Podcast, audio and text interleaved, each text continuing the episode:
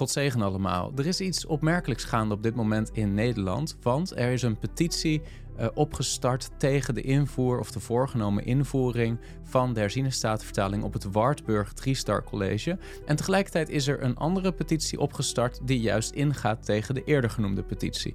En omdat dit wel een interessante situatie is en ook gaat over hoe zouden we nou als christenen moeten aankijken tegen een specifieke Bijbelvertaling, leek het me goed om in deze video eens bij mijn mening, mijn visie hierop stil te staan.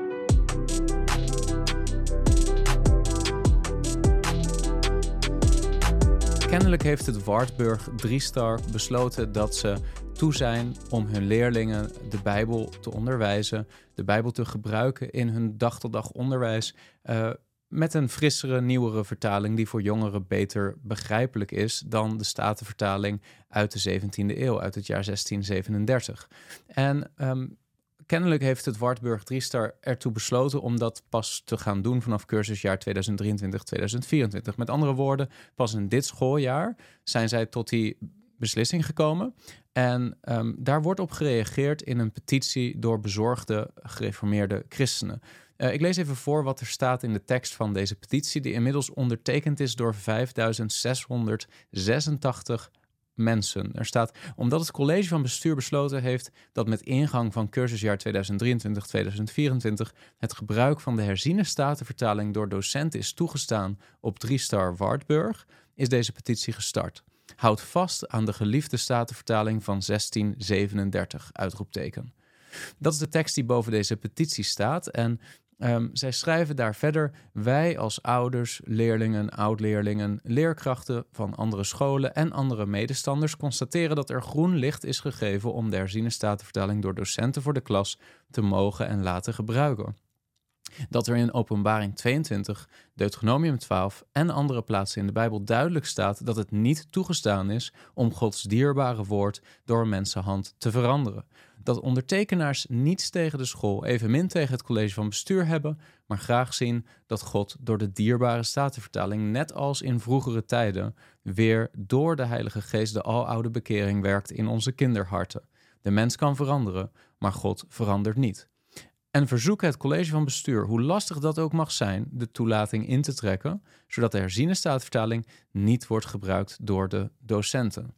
Nou, hier staat nogal wat. De mensen die deze petitie zijn gestart, geven eigenlijk aan dat in hun optiek het gebruik van de herzienerstaatvertaling op het drie-star Wartburg eigenlijk gelijk staat aan het ingaan tegen de geboden van Openbaring 22 en Deuteronomium 12. En waar doelen ze dan eigenlijk precies op? Nou, we pakken die tekst er even bij. En dan zullen we zien dat het nogal opmerkelijk is om die teksten toe te passen in deze kwestie. Openbaring 22, vanaf vers 18. Dat is het laatste hoofdstuk van Openbaring. En dat is dan ook de afsluiting van de brief die Johannes schrijft.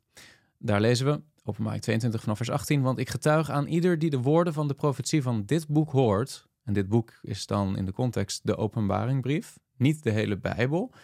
Natuurlijk kun je het wel in bredere zin toepassen wat hier staat, maar directe context is, gaat over de brief die Johannes heeft geschreven. Ik getuig aan ieder die de woorden van deze profetie van dit boek hoort. Als iemand iets aan deze dingen toevoegt, zal God hem de plagen toevoegen die in dit boek geschreven zijn.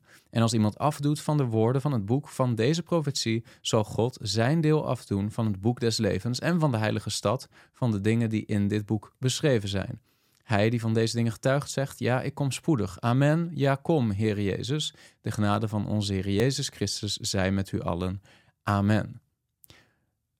Dit laatste stuk van de brief van Johannes, uh, de openbaringbrief, is duidelijk bedoeld om aan te geven dat mensen in zijn tijd, en wellicht ook de tijden die volgen, niet zaken mogen toevoegen of afdoen aan de woorden van zijn profetie, van dat boek. Um, dit wordt nu uitgelegd door de oprichters van deze petitie alsof het veranderen van de statenvertaling als de meest gebruikte vertaling op die school naar de herziene statenvertaling, of alleen al het gebruik daarvan, alsof dat zou betekenen dat je zou toevoegen of afdoen aan de schrift, aan het woord van God.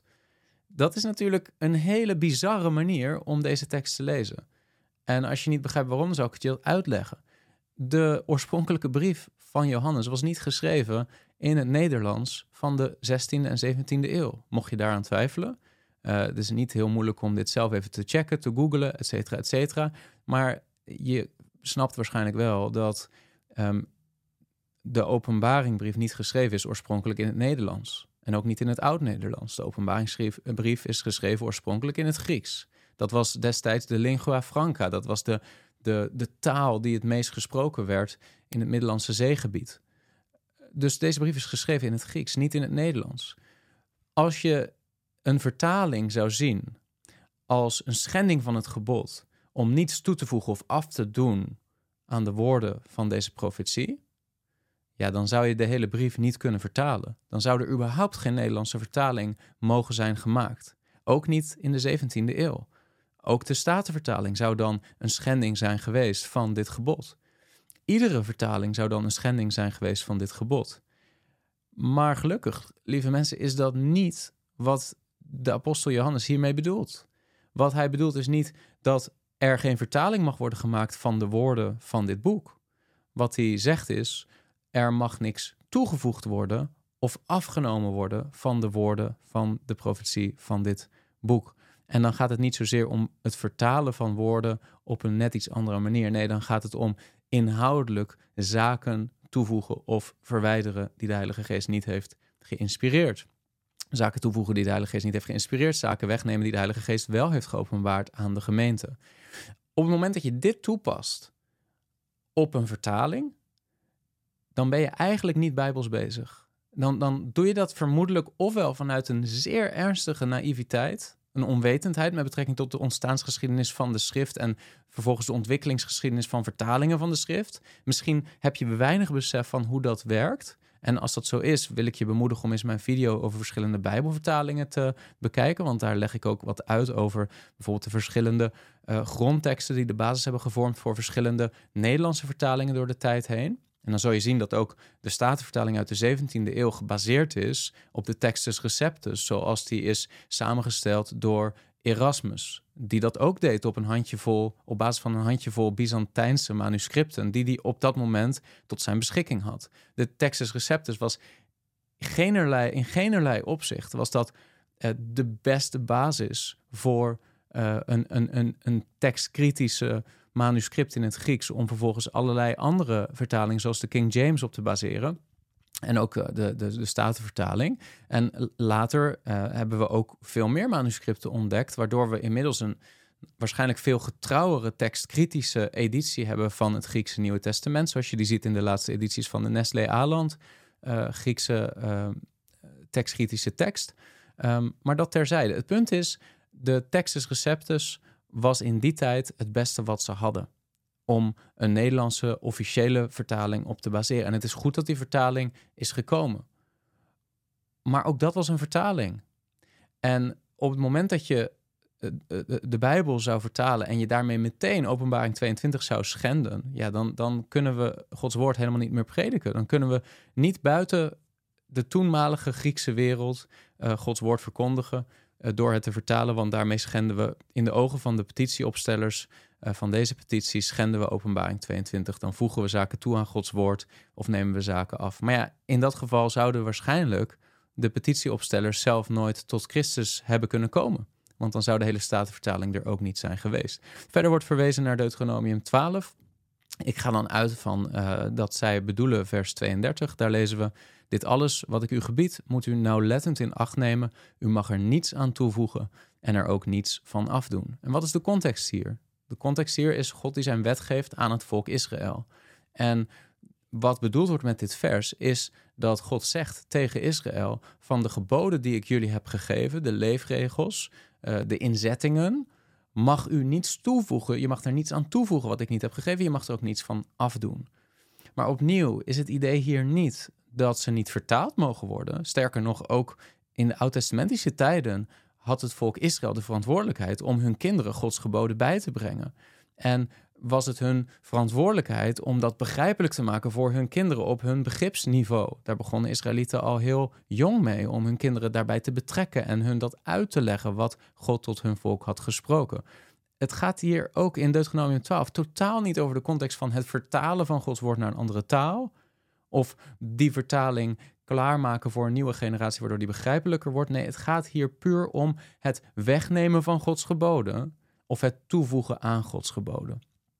Een net iets andere context dan de openbaringbrief en tegelijkertijd een beetje hetzelfde idee. Beide uh, schriftgedeelten waarschuwen tegen het wegnemen of toevoegen aan Gods woord, of het wegnemen van Gods woord, maar hebben in feite niks te maken in de context met het vertalen van Gods woord of het vernieuwen van een vertaling zodat die begrijpelijker wordt voor onze kinderen. Verder is het ook nog zo dat we de vraag zouden kunnen stellen aan de petitieopstellers, maar welke editie van de Statenvertaling bedoelen jullie dan precies? Welke mag dan wel gebruikt worden en welke mag niet meer gebruikt worden? Want ook door de tijd heen is die 1637-editie van de Statenvertaling is herzien geweest. Je hebt ook later de Jongbloed-editie gekregen, de GBS-bijbel, de Statenvertaling uit 1977, et cetera, et cetera. Er zijn door de tijd heen momenten geweest dat het Nederlands dermate veranderd was in spelling uh, en in soms ook zinsconstructies, dat er herzieningen moesten worden gemaakt om de Statenvertaling nog steeds bruikbaar te houden voor een nieuwe generatie in een land waarin de taal ook ontwikkelt en niet stil zit. Je hoort al eigenlijk waarschijnlijk een beetje mijn standpunt hierin terug. Ik denk dat de petitieopstellers uh, gebonden zijn door een traditie die ze niet goed kunnen verdedigen op basis van Gods woord. De teksten waar ze een beroep op doen in Openbaring 22 en Deuteronomium 12 gaan simpelweg niet over deze kwestie. Hebben hier geen toepassing op. En dus zie je dat ze in feite niet zozeer een Bijbels argument hebben, maar vooral iets vanuit hun traditie willen gebruiken en niet willen dat dat verandert. En ik denk dat het gevaarlijk is. En ik denk dat ze daarmee ook eigenlijk ingaan tegen de cultuur van de Reformatie. Want het hele idee van de Reformatie was dat ze zich keerden tegen de traditie en het gezag die de traditie had gekregen in de rooms-katholieke kerk. De reformeerders zagen dat als een groot gevaar en hadden de indruk dat er praktijken waren in de rooms-katholieke kerk die ingingen tegen het woord van God. En om die reden is er ook zo'n beweging ontstaan om opnieuw te gaan naar het woord van God en het woord van God toegankelijk te maken voor alle mensen, door hem opnieuw te vertalen in de talen van de mensen die in die tijd zelf leefden, zodat een ieder de Bijbel zou kunnen bestuderen en tot de conclusie zou kunnen komen wat onderwijst Gods woord nu echt. Dus de hele geest van de Reformatie was een geest van niet traditie als gezag vasthouden. Niet kerktraditie die niet goed gebaseerd of gefundeerd kan worden op het woord van God, op de schrift. Maar sola scriptura, terug naar de schrift. Het, het gezag van de schrift is het enige gezag wat doorslaggevend mag zijn in de gemeente van God. En juist dit is nu het probleem met de mensen die deze petitie hebben opgesteld. Ze kunnen hun standpunt dat de statenvertaling per se gebruikt moet blijven worden niet goed baseren op Gods woord. Ze baseren die op traditie. En ze beseffen niet dat door dat te doen, ze eigenlijk weer in een soort rooms-katholiek traditiesysteem belanden. wat ze niet goed kunnen verdedigen op basis van Gods woord. En natuurlijk zou ook de Rooms-Katholiekers dezelfde argumentatie kunnen gebruiken om te zeggen: we moeten terug naar de Vulgaat. Heeft God de Vulgaat niet duizend jaar lang gebruikt als de Latijnse vertaling, waardoor heel veel mensen tot Christus waren gekomen? Was die vertaling niet gebruikt om heel veel vrucht te dragen? Had de Heilige Geest niet gewerkt door die Latijnse vertaling van Gods woord? Natuurlijk wel. Maar op het moment dat deze lijn van argumentatie was gebruikt door de reformeerders, door mensen als Luther, door mensen als Calvijn en ook de opstellers van de Statenvertaling, zou die hele vertaling er nooit gekomen zijn. Zouden ze gewoon gezegd hebben: luister, de vulgaat is door God gebruikt, door de Heilige Geest gebruikt om mensen tot Christus te leiden. Wij mogen niet toevoegen aan Gods woord of daarvan afdoen, dus we gaan geen nieuwe vertaling maken. Je, ziet, je bent in feite ook inconsistent met je eigen traditie door dit standpunt in te nemen. Gelukkig is er ook een andere petitie gestart. Een petitie die lijnrecht tegenover de eerder genoemde petitie staat. En dat is de petitie van mensen die wel steun geeft aan het gebruik van de herziene statenvertaling op 3-star Wartburg. Trouwens, ik heb niks met deze school te maken. Ik vind het gewoon interessant hoe dit leeft momenteel in Nederland. Die andere petitie is door 1044 mensen ondertekend op dit moment. En wij lezen daarin de volgende tekst. Het college van bestuur van de drie-star Wartburg Koepel verdient steun voor het besluit docenten toe te staan naast de Statenvertaling ook de herziene Statenvertaling te gebruiken. Zo begrijpen leerlingen de boodschap beter en wordt recht gedaan aan kerkelijke verschillen. Wij bezorgde ouders en leden van kerken die bijvoorbeeld de HSV gebruiken, constateren dat de petitie die pleit voor het intrekken van het besluit de HSV naast de Statenvertaling toe te staan, ten onrechte een is gelijkteken plaatst tussen de Statenvertaling en Gods woord. exact. Ik denk dat dat een heel terechte constatering is. Ehm, Gods woord, zoals geïnspireerd door God en opgetekend door bijvoorbeeld de apostelen, door Matthäus, Marcus, Lucas, uh, Johannes, Paulus, uh, Petrus, Jacobus. Dit, dit is niet uh, geschreven in het Oud-Nederlands. Het is geschreven in het Grieks. Gods woord is oorspronkelijk geïnspireerd in het Grieks. En op het moment dat je zegt de Statenvertaling is Gods woord, dan ga je compleet voorbij aan het feit dat als je zo redeneert, het Grieks nooit vertaald had mogen worden naar het Nederlands. Omdat je daarmee ook als het ware Gods woord geschonden hebt. En precies diezelfde denkfout wordt gemaakt door de King James Only uitdragers in de Verenigde Staten. Maar dat even terzijde. We lezen verder. Voorbij gaat aan het feit dat de Statenvertaling in de loop van de eeuw herhaaldelijk is aangepast. Klopt. Ten onrechte meent dat God gebonden is aan één vertaling. Klopt. En jongeren tekort doet door hen een vertaling voor te houden die moeilijk te begrijpen is. En verzoeken het CVB, het college van bestuur, niet af te wijken van de ingeslagen koers in het besef dat God niet gebonden is aan één vertaling, maar op allerlei manieren spreekt, wensen en bidden wij bestuur, docenten, ouders, leerlingen en ondertekenaars van de andere petitie wijsheid, voorzichtigheid en mildheid toe. Nou, ik vind het een mooie tegenpetitie. Het is wel jammer dat de tegenpetitie op dit moment ongeveer duizend ondertekeningen heeft en de oorspronkelijke petitie hè, tegen de invoering van de HSV op Wartburg Driestar uh, al bijna 6000 ondertekeningen heeft.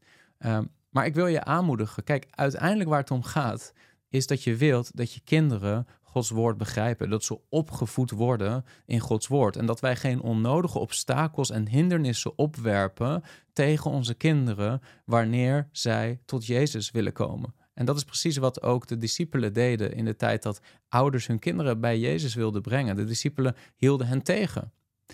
Ik denk dat deze traditie van het vasthouden aan één specifieke vertaling, die inmiddels verouderd is, die moeilijk te begrijpen is, die vol staat van Nederlands, wat, wat voor onze kinderen niet meer goed te begrijpen is, omdat ze met een andere vorm van Nederlands zijn opgegroeid. Ik denk dat je een nodeloos, een onnodig obstakel geeft voor onze kinderen om tot Jezus Christus te komen. En op het moment dat het zou gaan om de inhoud, op het moment dat je zou zeggen, ja, maar de inhoud van Gods woord wordt hier veranderd, dan, dan sta ik aan je kant. En dan zeg ik, dat mag niet. We moeten Gods woord, de inhoud van Gods woord, de Bijbel, zoals oorspronkelijk geschreven in het Grieks en in het Hebreeuws, daar mogen we niks aan afdoen, daar mogen we niks aan toevoegen. Maar we hebben het daar niet over. We hebben het over een vertaling, we hebben het over de vorm. We hebben het over specifieke taalnuances. En op het moment dat jouw positie is dat ook die niet veranderd mogen worden, dat die niet veranderd mogen worden, in dat geval is mijn reactie op jou. Dan moet je Grieks leren. En dan moet je ook niet een Nederlandse vertaling uit de 17e eeuw gebruiken. Dan moet je gewoon alleen nog Koine Grieks gaan lezen in jouw kerk.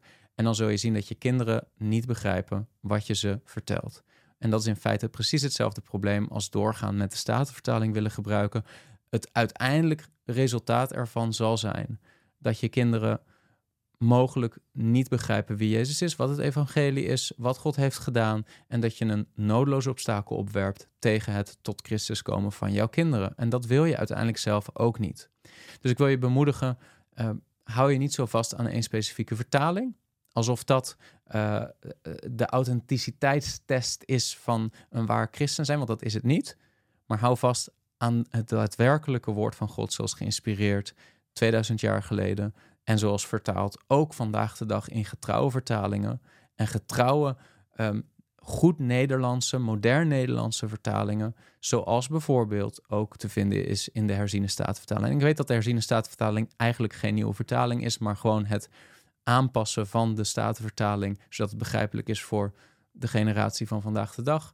Maar ook dat is volledig bijbels. Sterker nog, is onderdeel van onze opdracht om onze kinderen op te voeden met Gods woord op een manier die voor hun begrijpelijk is. Ik hoop dat je iets hebt gehad aan deze video. Ik hoop dat ehm, als je betrokken bent bij deze school en je bent het eens met wat ik vandaag heb gedeeld, dat je ook die tegenpetitie zult ondertekenen, zodat het duidelijk is dat ja, je niet de enige bent uh, en dat de tegenpetitie um, niet klein blijft. Terwijl ik denk dat de tegenpetitie de beste argumenten heeft in deze kwestie.